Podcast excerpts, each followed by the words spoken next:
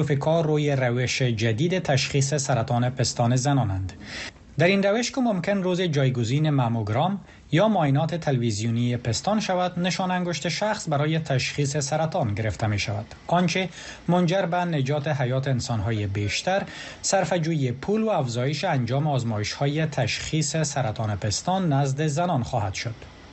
سمان فرانچیسی استاد طب ادلی در دانشگاه شفلد هلام میگوید کو در نتیجه هایش در سالهای اخیر دریافت که رق بدن انسان بر علاوه کاربرد در بخش طب ادلی تواند برای تشخیص بیماری ها نیز استفاده شود.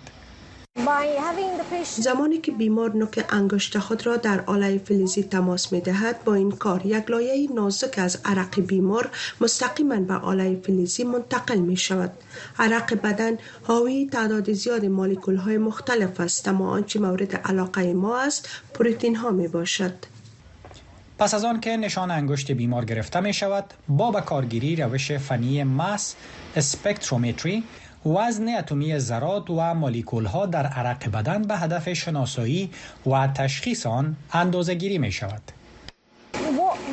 کاری که ما در واقع انجام می دهیم این است که این پروتین ها را شناسایی می کنیم ترکیب جین های این پروتین ها در سطوح مختلف و عوامل مختلف در ترکیب جین ها به ما این را نشان می دهد که آیا بیماری یک پتالوژی یا بیماری سلیم دارد یا در مرحله اولیه یا پیشرفته سرطان قرار دارد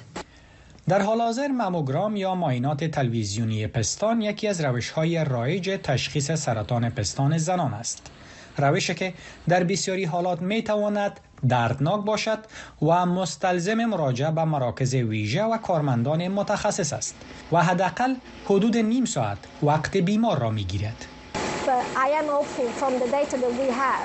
امیدواریم که بر اساس اطلاعاتی که ما داریم آزمایش با نشان انگشت بتواند به نخستین نقطه آغاز آزمایش برای سرطان پستان تبدیل شود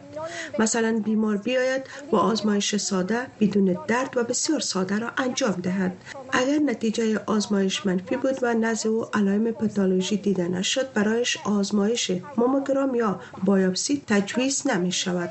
با این همه دکتر فرانچیسی میگوید که در حال حاضر مموگرام و بایوپسی یگانه آزمایش های تشخیص سرطان پستان زنان است و زنان برای نجات جانشان باید این آزمایش ها را انجام بدهند. قدرمان لیدونکو چه چه حمله رو خو یو مرکه د علي روګين سره چې د دېرشو هغو مېرمنو الهام بخښونکې کيسې باندې يې يو کتاب ليکلی دی چې مېرمنو په برياليتوب سره د سرطان وژونکې ناروغۍ ته ماته ورکړې ده په دې باره کې زموږ همکارې ښايستې سعادت لامې د علي روګين سره مرکه کړې ده او لومړی يې دا پوښتنه ځنې کړې ده چې څنګه يا ولې د دې کتاب د ليکلو پرېکړه وکړه نو راځئ چې دا مرکه په ګډه وګورو I was motivated to write this book out of my own experience. زه خپل تجربې د دې کتاب لیکلو ته وڅاولم. زه د کالج زده کوونکی وم چې ډاکټرانو راکې یو تکلیف تشخیص کړ. زما د بدن په کروموزوم کې یو جنیټیکی تفاوت وموندل شو. داسې یو ارثي تفاوت چې ډاکټر راته وویل چې د نورو په پرتله د سینې په سرطان ستا د اخته کېدو خطر اتیا سلنه لوړ دی نو ما په حقیقت کې د ژوند هر ورځ په دې ویره کې تیروله چې ښایي سبا به د سرطان په وژونکي مرز اخته کېږم خو ډاکټر دا هم راته وویل چې یو وقایوي لار هم شته او مشوره یې راکړه چې ډېری ځوانې میرمنې د بیارغونې لپاره د ماسټیکټومي په نوم د جراحي ځانګړې عملیه او د مخنیوي اقدامات تر سره کوي ترڅو خپل ژوند په عادي ډول د سرطان له ویرې پرته په یو اوسا فضا کې او فکر پر مخ بوزي خو کله چې ما د دې مرز سره د مبارزې لار پیدا کړه نو ما ډیر د یوازیتوب احساس کاوه او فکر مې کاوه چې د بچیدو او رغیدو لپاره لارې چارې کمې دي د ملاتړ لپاره د یوې ټولنې نشټون کړهولم نو ځکه څو کاله وروسته ما بیا دا پریکړه وکړه چې زه کولای شم په خپله دا ټولنه جوړه کړم. ما له ځانه سره وویل چې زه یوه ژورنالیسته یم، زه پوهیږم چې دا کار څنګه تر سره کړم. نو ما په امریکا کې د ځینو مشهورو شخصیتونو، ژورنالیستانو او ښځینه مشرانو په ګډون د دیرش داسې میرمنو موندلو ته مټي اون غښتلي چې په خپل مسلک کې لوړ نوم، شهرت او تجربه لري ځکه ما فکر کاوه چې دوی به د سينې سرطان سره د مبارزې په برخه کې نورو ته غوره مشورې ولري. په دې کتاب کې د سرطان څخه د روغو شويو کيسې نورو ته د ژوند څه ډول يو پند او درس وړاندې کوي او تر ټولو مهمه خبره دا چې نغښتی پيغام پکې څه دی کوم چې تاسو غوښتل لوستونکو ته يې ور ورسوي. زما لپاره تر ټولو مهم پند او خورا مهم پیغام دا دی چې هر څوک چې د ډاکټر معاینه خانه ته ځي باید ځان او خوندیتوب ته پاملرنه له یاده ونه باسي زما مطلب دا دی چې موږ تل د ډاکټر مشورې په پټو سترګو منو ورته غوږ ږدو او درناوی یې کوو او فکر کوو ارڅ چې دوی وایي هغه د کانې کرخه ده او پر امکاناتو ځان سره سم نه پوهو او د پښتنو نه هم ډډه کوو زما په کتاب کې هم دې ته کتنه شوې چې لکبل یې میرمنې هغه درملنه چې مستحق دي نشي ترلاسه کولای د ډاکټرانو تشخیص کله ناسم وي ځکه چې ناروغ ته په بشپړ ډول غوږ نه وی نیولای یا هم دا پریکړه کوي چې اضافي آزمایونو ته اړتیا نشته نو زه فکر کوم اول شی چې ما له دې کتاب نه زده کړل او زه غواړم چې خلک هم زده کړي دا دی چې د ډاکټر په دفتر کې مو باید یو پښتنه هم بي ځواب پاتې نشي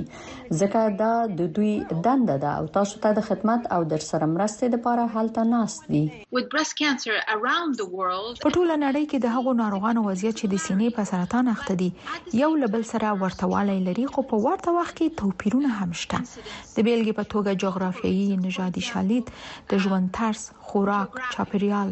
د څار مسئله همدا ازموینې او تشخیص سهولتونه یې، نو تاسو د یوې تکړه ژورنالیستې په توګه چې دا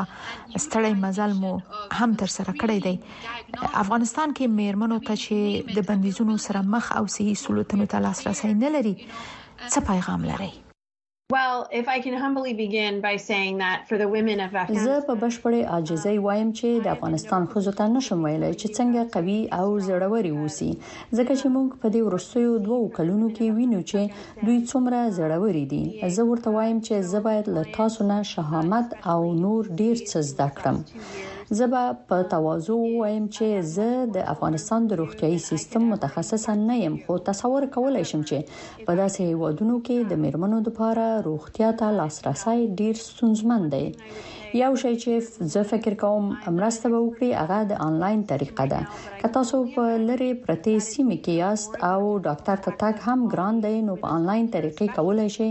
ډاکټر وګورئ ورسره خبري وکړئ او مشورې تر لاسه کړئ له دې طریقې نه حتی د امریکا په ډیرو لری پرتو سیمو کې هم کار اخیستل کیږي.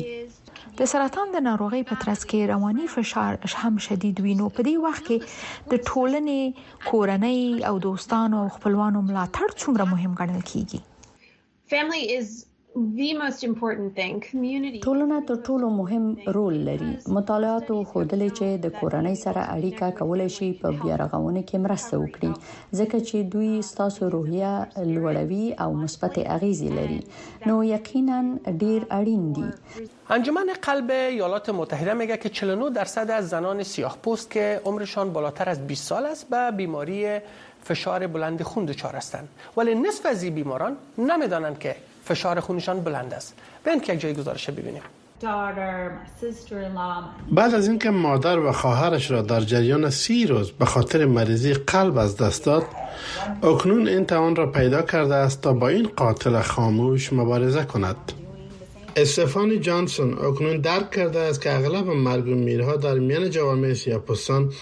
به دلیل فشار برنده خون بوده است بر اساس گزارش انجمن قلب امریکا 49 درصد از زنان سیاپوست که بیشتر از 20 سال سن دارند به بیماری قلبی مبتلا هستند در حالی که کمتر از نیمی از این تعداد از خطرهای فشار خون آگاه هستند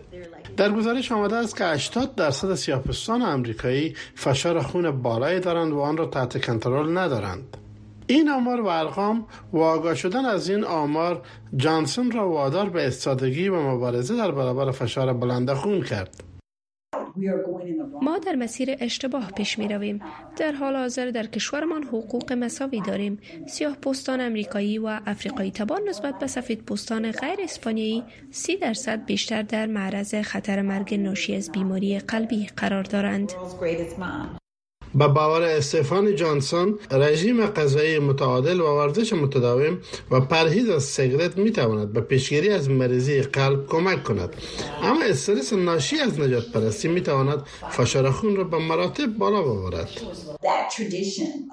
این سنت و اخلاق کاری که سیاپوستان امریکایی احساس می کنند که باید دوچندان کار کنند خیلی زیاد استرس زا است افزون بر آن استرس های سیاپوست بودنمان در جامعه امریکا به یک فشار تبدیل شده ما باید برای رفع این فشارهای استرزا یک راه پیدا کنیم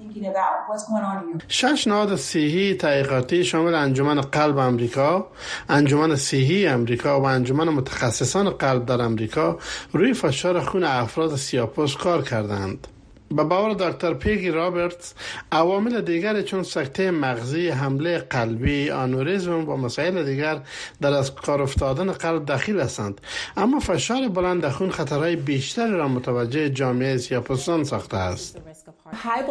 فشار خون بالا خطر ابتلا به بیماری قلبی را افزایش می دهد زیرا قلب سخت کار می کند تا خون و اکسیژن را به سایر بخش های بدن برساند با گذشت زمان قلب شروع به ضعیف شدن می کند و در نتیجه باعث بیماری قلبی می شود گیسی تامسون در سال 2020 میلادی فشار خونش بلند رفت و دلیل آن استرس های مربوط به همهگیری کرونا آنمان شد که دوچار انوریزم یا برامدگی شریان مغزی کشنده شده بود او بعدها نهاد را اساس گذاشت که تا سال 2027 میلادی برای زنان سیاپوس در بخش فرستادن بسته های آزمایش فشار خون کمک می کند. او میگوید ما نباید فشار بلند خون را عداد عادی خوانده و آن را نادیده بگیریم ما قدرت را در دستان خود قرار می دهیم. ما این خالیگاه و شکاف را بر روی خود می بندیم و اعداد خود را نادیده و بیارزش می شماریم. ما ابزاری برای کنترل اعداد خود نداریم. نیکولا همیلتون سی ساله یکی دیگر از این قربانی است او حتی پس از سالها سردرد و سختهای متعدد نمیدانست که از فشار خون بلند رنج میبرد در اولین ملاقاتش با دکتر رابرتس او متوجه شد که فشار خونش 160 بر 100 است و بلافاصله برایش دوا و دستگاه آزمایش فشار خون تجویز شد همیلتون اکنون ورزش را شروع کرده است و سعی میکند بیشتر فعال باشد و در مورد هیچ چیز استرس نداشته باشد زیرا وقت استرس شروع شود فشار خونش بلند می رود. ما این اعداد را می دهیم و فکر می کنیم و درک این اعداد برای مردم بسیار مهم است. من بارها دیدم و شنیدم و تجربهش را دارم. حتی داخل فامیل ما هم وقت فشار 130 بر 80 می بود می گفتند که این طبیعی است و هیچ مشکلی ندارد. در حالی که شواهد نشان می دهد که این درست نیست. ما با عنوان جامعه سیاپوستان باید به با فکر خود باشیم. فشار خون کمتر از 120 بر 80 طبیعی در نظر گرفته می شود و اگر این اعداد به بیشتر از 130 و پایین تر از 80 برسد زمان است که بیشتر به درمان متمرکز نیاز است وکیل ساس صدای امریکا د بوالی سینا د خبرونه ډیرو قدرمن لیدونکو تاسو ته معلومه ده چې ټکنالوژي ډیره پخته تللې ده او د شکرې د ناروغي په برخه کې هم ډېرې اسانه ازموینې رامنځته کړې دي، خو ډاکټران وايي چې د وینو د شکرې د نارمل سطحې درلودل یوازې د ښه صحت نمایندګي نه شي کولای. نو راسئ دا رپوټ په ګډه وګورو. پر بازو موشکې دغه چسپکې اله د نوي نسل د ګلوکوز له څارونکو الو څخه ده. هغه خلک چې د شکرې ناروغي لري، د کلونو په اوږدو کې له ګوتو څخه د وینې اخیستلو پر ځای، دغه ډول بېلابېلې الې یې کارولې دي چې په خپله وینه کې د شکرې اندازه وڅاري، خو د لینګو او زویي کمپنۍ وايي چې اوس د دې سینسر الو ټول کاروونکي کولای شي چې پر وخت دا معلومات ترلاسه کړي چې د دوی بدنونه بېلابېلو خوړو ته څنګه غبرګون ښيي. دا به له دوی سره مرسته وکړي چې په دوامداره توګه د وزن کمول او په عمومي ډول خپله روغتیا وساتي. د اروپا لپاره د لینګو عالي عمومي مسوله سارا ټن وايي، لینګو د هغه خلکو لپاره جوړه شوې چې غواړي خپلې روغتیا او ښه والي ته وده ورکړي او دا لا هماغسې کار کوي لکه خلک چې جیم، شخصي روزونکي او د خوړو د متخصص لپاره لګښت ورکوي. دا آله پر بازو یا مټ لګول کېږي چې په عین وخت کې ستاسو د. شکرې اندازه ستاسو تلیفون ته استوي او تاسو وړې وړې لارښوونې او معلومات ترلاسه کوئ چې څنګه تاسو په ورځني ژوند کې واړه بدلونونه راولئ او په اوږدمهاله عادتونو یې بدل کړئ شئ چې تاسو ښه احساس او ډیره انرژي ولرئ او طبیعت مو هم جوړ وي. سوداګره او د دوه اولادونو مور کلیر ریچ لا له وړاندې له دغې الې څخه کار اخلي. هغه وایي له تیرو دوو کلونو راهیسې یې بېلابېلې الې کارولې دي. د هغې کورنۍ د شکرې او عقلي زوال یا ډیمنشیا دواړو تاریخچه لري. دا چې پوهیږم زما په کورنۍ کې د دویم ډول شکرې یا دیابیتیز شته او په دې خبره یم چې زما په کورنۍ کې دیمنشیا او یا هم د حافظې د کمزورتیا مشکلات شته زه نه غواړم چې تر ډیره له دغو شیانو څخه یو هم ولرم دا چې اوس څخه کولای شم هغه دا دي چې زه خپله روغتیا پیاوړې کړم. د دغه ډول څارونکو الو کارول په هغه کسانو کې چې شکر نه لري په وروستیو کلونو کې زیات شوي دي خو ځینې ډاکټران چې د داخلي درملو په اړه تخصص لري په دې اړه اندیښمن دي چې خلک به دا الې کاروي بې له دې چې د روغتیا نورو مهمو برخو ته پاملرنه وکړي. ډاکټره شیواني مشرا چې د لندن په امپیریل کالج کې سلاکاره ده وايي، د خپل میتابولیزم اړخ ته تر حد زیاته پاملرنه لکه ګلوکوز، یو کس کیدای شي چې د خپل میتابولیزم او روغتیا نور اړخونه له پامه وغورځوي، د مثال په ډول د وینې فشار، د وینې د غوړو اندازه، وزن، نور ډیر داسې شیان شته چې په دې کې شامل دي. د انګلستان له شکرې سره د مبارزې اداره وايي، نوې څارونکې الې د شکرې د ناروغانو لپاره ډېرې ګټورې دي، خو دا خبرداری هم ورکوي چې دغه الې تل له ګوتې څخه د وینو د اخیستلو د معاینې غوندې دقیقې نه وي او همدارنګه د ځینو کسانو لپاره به وخت ونیسي چې له دغې ټکنالوژۍ سره بلد شي. د دې ترڅنګ د دې سنسر الې د کارولو لپاره په کار ده چې تل پر بدن لګېدلې وي او دا د هر چا لپاره مناسبه نه ده. حکمت سروش، امریکا غږ. مینندگان عزیز زینو ترانسپلانتیشن به عملیه میگن که عضو یک حیوان به انسان پیوند شود ولی ای تنها زمان اجازش داده میشه که یک شخص حیاتش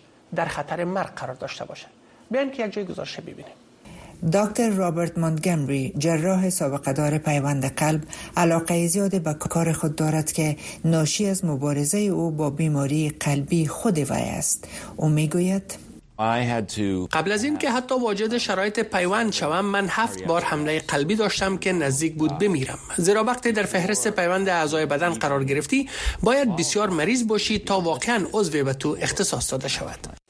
در سال 2018 دکتر مانگامری قلب جدید دریافت کرد و فرصت برای ادامه کار خود در جهت رفع کمبود عضو در سراسر جهان از طریق پیوند اعضای بدن حیوانی دریافت کرد در این روند خوک ها عمدتا مورد استفاده قرار می گیرند بسیاری از افراد حتی قبل از این که در لست پیوند اعضای بدن قرار بگیرند میمیرند آنانی که در لست ایالات متحده برای پیوند قرار میگیرند فقط بر یک سیامشان عضو بدن را برای پیوند دریافت میکنند اما دو بر سیوم دیگر آنها یا آنقدر مریض میشوند که از پیوند سود نمیبرند یا هم میمیرند مانگمری که اکنون ریاست مؤسسه پیوند لانگون دانشگاه نیویورک در شهر نیویورک را بر عهده دارد پس از پیوند قلب خودش توجه را روی مطالعه تاثیرات پیوند حیوانات بر بدن انسانها معطوف داشت در سال 2022 پس از اینکه الوا کاپونو دچار آسیب شدید مغزی شد که علاج نداشت خانوادهش جسد او را در اختیار آزمایشات پیوند اعضای بدن نهاد تحقیقی مانکمری قرار دادند ما همیشه دانستیم که برای مادرم الوا مهم است همه چیز از نظر سوابقی که می توان جمع آوری کرد بسیار موفق بود و می دانید قلب در طول دوره 72 ساعت تا پایان کار آزمایشی به آرامی پمپ می کند و کار می کند. در سال 2023 مانتگمری و تیمش پیوند تاریخی گرده خوک را روی مرد انجام دادند که بدنش به مدت دو ماه با آن کار کرد و عضو پیوند شده از ایوان را رد نکرد. مانتگمری میگوید این یک گام به جلو جهت راه حل برای کمبود اعضای بدن در سراسر جهان است. فکر می کنم مراحل بعدی انجام آن آزمایش ها در انسان ها و نشان دادن این است که این گرده ها برای مدت زمانی که فرد از آن سود می برد دوام می کند. می گوید که برای یافتن راه حل این مشکل رو به رشد جهانی تلاش می کند چه گرده باشد یا قلب قدرمانی دیدن که د ولادي فیستولونو په باره کې یو مطلب لرو چې ستاسو پام یې اوریدو ته راګرځوو. دا د رواندا د میرمنو لپاره په پلازمینه کیګالي کې د خوښۍ موقع ده. دوی دلته د متحده ایالاتو یوې ډلې ته ښه راغلاست وایي چې د هغه میرمنو سره مرسته کوي چې د ولادي زخمونو او نورو هغه ناروغیو سره مخ دي چې میرمنې پرې اخته کیږي. یوه له دغو میرمنو نه جولین ده چې د زیږون په مهال د مثانې له خرابیدو وروسته بې هوشي شوې وه. ولادي زخم ماته خپګان پیدا کړ. ما نشو کولای پیسې وګټم یا فزیکي کارونه وکړم. ما حتی د خپل ځان او د خپل ماشوم د پاملرنې لپاره په خپل میړه تکیه کوله. دا یو داسې حالت دی چې د ماشوم د زیږون په مهال یو سوری جوړ شي چې د زیږون د ځنډ یا د جراحۍ په جریان کې د مور د زیږون کانال او د هغې د مثانې ترمنځ رامنځته کیدی شي دا په میرمنو کې په دوامدار توګه د متیازو پاخانه یا د دوړو بهیدو لامل کیدی شي د سره میرمنې سخت درد هم تجربه کوي او یو قوي بوی خارجوي چې ډیر وختونه د شرم او ټولنیزې انزوا لامل کیږي کله چې تاسو ولادي زخمونه لرئ باور وکړئ دا یو له ډیرو بدو حالتونو نه دی د هغه سره چلند د سکیږي لکه چې جزام لري هیڅوک نه غواړي هغه ته نږدې هغه هر وخت بوی کوي د هغه ماشومان نه غواړي هغه ته نږدې د هغه میړه ځنې وختونه حتی کولای شي هغه پریدي دا ټیم په کال کې درې ځله رواندا ته ورځي او د حکومت سره نږدې کار کوي کوم چې د 2010 کال راهیسې د روزنې او طبي زده کوونکو لپاره مرستې چمتو کوي د ولادي زخمونو ناروغان په ډیر بد حالت کې راځي د دوی د جراحۍ نه وروسته دوی مسکا کوي مننه کوي او دوی کور ته د تلو لپاره لیواله وي. د ښځو د روغتیا ښه کول نه یوازې په هغوی بلکې د هغوی په کورنیو او ټولنو هم اغیز لري. موږ پوهیږو چې ښځې د یوې قوي کورنۍ د جوړښت بنسټ دي او که ښځه صحتمنده، خوشحاله او خپل وقار بیرته ولري، موږ پوهیږو چې کورنۍ به بریالۍ وي. د ټیم ښه فکر او چلند په دې بریا کې مرسته کوي. موږ یوازې د ناروغیو درملنه نه کوو، موږ د خلکو درملنه کوو. نو د درملنې وروسته ځینې وتوانېدل چې ځینې کوچني کاروبارونه پیل کړي. له دوی څخه ځینې چې کوچنیان وو، هغوی ته د ښوونې فیسونه ورکړل شوي ترڅو بېرته ښوونځي ته لاړ شي. په رواندا کې د خپلو همکارانو سره په ګډه د ښځو او پراختیا نړیوال بنسټ د څلور زره پنځه سوه نه زیاتې ښځې او ماشومان معاینه کړي او د شاوخوا څلور سوه مېرمنو جراحۍ یې ترسره کړې دي چې دا د هغوی ژوند بدلوونکې درملنه ده دا نه یوازې د روغتیا بلکې د وقار بیارغونه ده نذرانه یوسفزۍ امریکا غږ واشنگټن بینندگان عزیز مسئولان ریاست معرف حکومت طالبان در ولایت غزنی برای وید از متادین که تحت تداوی قرار دارند سنفهای سواد آموزی را اندازی کردند این متادین میگه که این های سواد آموزی در ترک چاد به اونا خیلی مسمر واقع میشه یک جا این گزارش میبینیم معتادانی که تا یک ماه پیش در مخروبه ها و زیر پول مصروف استعمال مواد مخدر بودند اکنون اما در کنار تداوی در مرکز پنجابیستر ترک احتیاط غزنی از برنامه سواد آموزی نیز مستفید می شوند در سایز خو حساب اصولیش از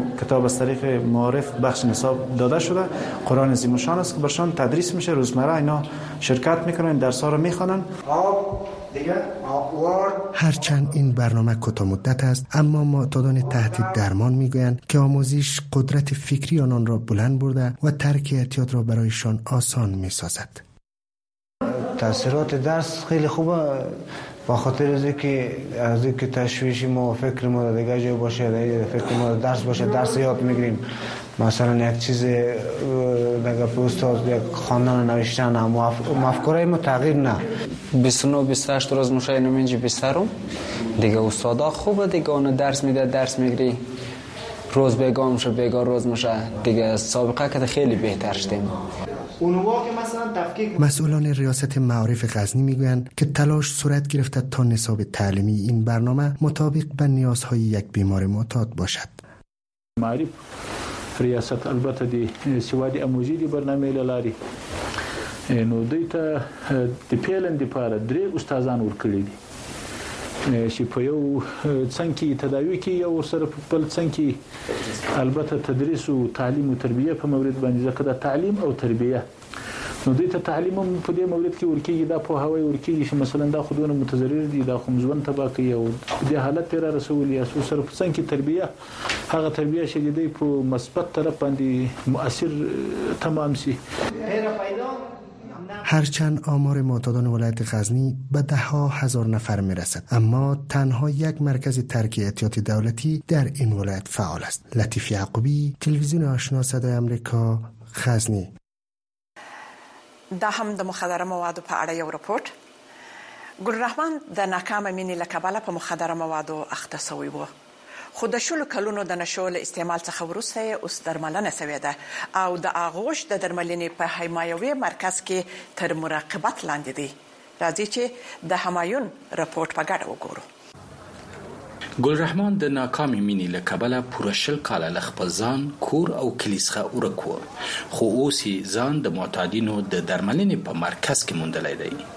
ګل رحمان وايي، هغه مهال چې دی شل کلن و، نو په خپلې ګاونډۍ مین شو. د هغه په وینا، پلار یې هېڅکله هم اجازه ورنکړه چې د خپلې مینې سره واده وکړي. ګل رحمان په خپله ژبه د خپلې مینې قصه کوي. ما خپله هم ځواني ښه وه، ځواني وه پوه شوې، ستا جینۍ ما سره انډیوالي شوله، یو کال دوه کاله ووتل، اخر مې پوه شوې پلار پلار ته مې وویل مالده جلکۍ ماته وکړه، وایي نه دا بې وطنه خلک دي دا داسې دي هغسې دي، خو پلار مې نه منله، د جلکۍ مور هم راځي وایي خپله جلکۍ، پلار هر څه یې راځي وایي دا ترې کومه پوه شوې دا دواړه سره جوړ دي.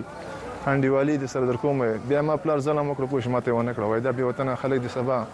یا جنګ کوي یا دوا کوي در نزي پوه شي طلاق درکې دا درکې نه بد کیږي ما پختیا خلک یو دسی زیګخ پښتانه یو دا یو دا یو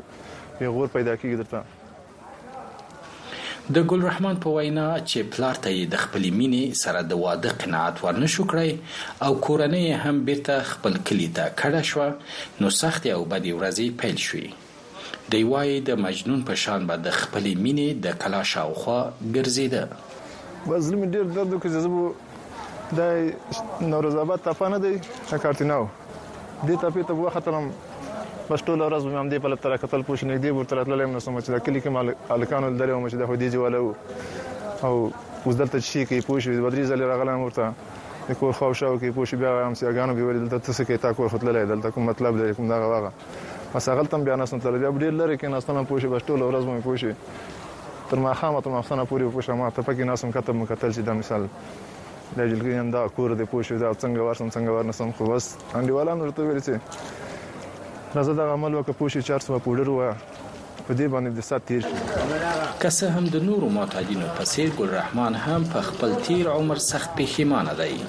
وایی د هیروینو نشې د ده څخه نوره هغه شل کلنه مینه هیره کړې. ولی اوس یې مور سخته یادیږي او د خپلې مور د یاد لپاره همیشه اوښکې تویوي. کورنۍ کې مولا مور یادیږي، ورونه خویندې ټول یادیږي خو ډیره ډیره مور یادیږي. ولا شل شل واره مې زړه دي څه وایي ځان هم شرمېږي انډیوالان هم شرمېږي چې وزړم پوه شو یاره ځوان سړی زړي ګل رحمان هم د تیر یو کال را پدې خوا د طالبانو لخوا د کابل ښار څخه د معتادینو د راغونډولو په جریان کې نیول شوی وو او اوس دی د معتادینو په حمایوي او روغتیايي مرکز آغوش کې د نورو څلور زرو معتادو ناروغانو سره یو ځای خپل ژوند تیروي همایون آشنا تلویزیون خب بینندگان عزیز این بود داشته های برنامه یفته بو علی سینا که خدمت شما تقدیم شد امید مورد توجه و پسند شما قرار گرفته باشد شفا جان بله او د دې خبرونه د لا شکیدلو لپاره ستاسو د سالمو نظرونو او پیشنهادونو په تمه یو همه گزارش هایی که در این برنامه شما مشاهده کردین در صفحات فیسبوک و اینستاگرام صدای امریکا به نشر میرسه اگر نظر پیشنهاد و یا